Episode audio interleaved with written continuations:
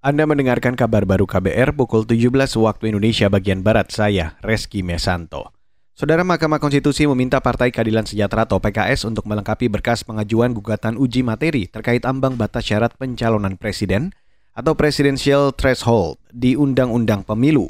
Dalam sidang pemeriksaan pendahuluan terkait Undang-Undang Pemilu hari ini, Hakim MK Saldi Isra menyoroti rujukan argumen soal presidensial threshold di kisaran 7 hingga 9 persen kursi di parlemen. Itu sebaiknya rujukan teoritis yang digunakan itu dilampirkan sebagai apa? Sebagai bukti argumentasi konstitusional yang bisa memperkuat bahwa angka 7 sampai 9 persen itu angka yang konstitusional. Nah kalau tidak nanti kan bisa saja orang mengatakan ini ilmu cocokologi ini dicocok-cocokkan dengan persentasenya PKS. Hakim Mahkamah Konstitusi Saldi Isra mengatakan MK memerlukan bukti teoritik yang membuat penghitungan presidensial threshold atau PT di kisaran 7 hingga 9 persen. Partai Keadilan Sejahtera atau PKS mendaftarkan uji materi pasal terkait ambang batas pencalonan presiden di Undang-Undang Pemilu.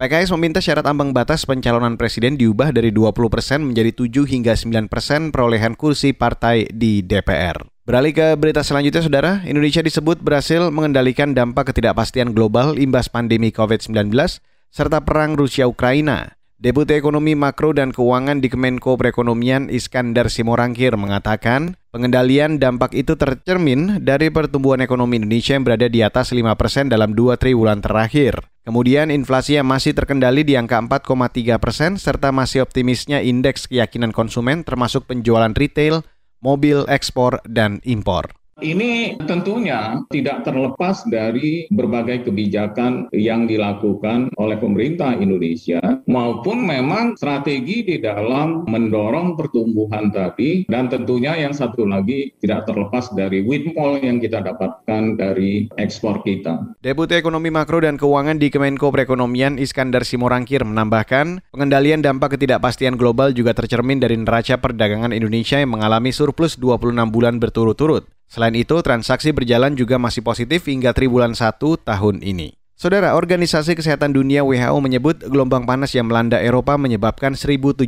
kematian di Spanyol dan Portugal hingga pekan lalu. Petinggi WHO untuk Eropa menyebut angka kematian akibat gelombang panas itu diperkirakan bakal semakin meningkat dalam beberapa hari ke depan. WHO menyebut masyarakat yang terpapar panas ekstrim mengalami kesehatan yang memburuk yang dapat membawa resiko bagi kelompok rentan seperti bayi, anak-anak, dan lanjut usia.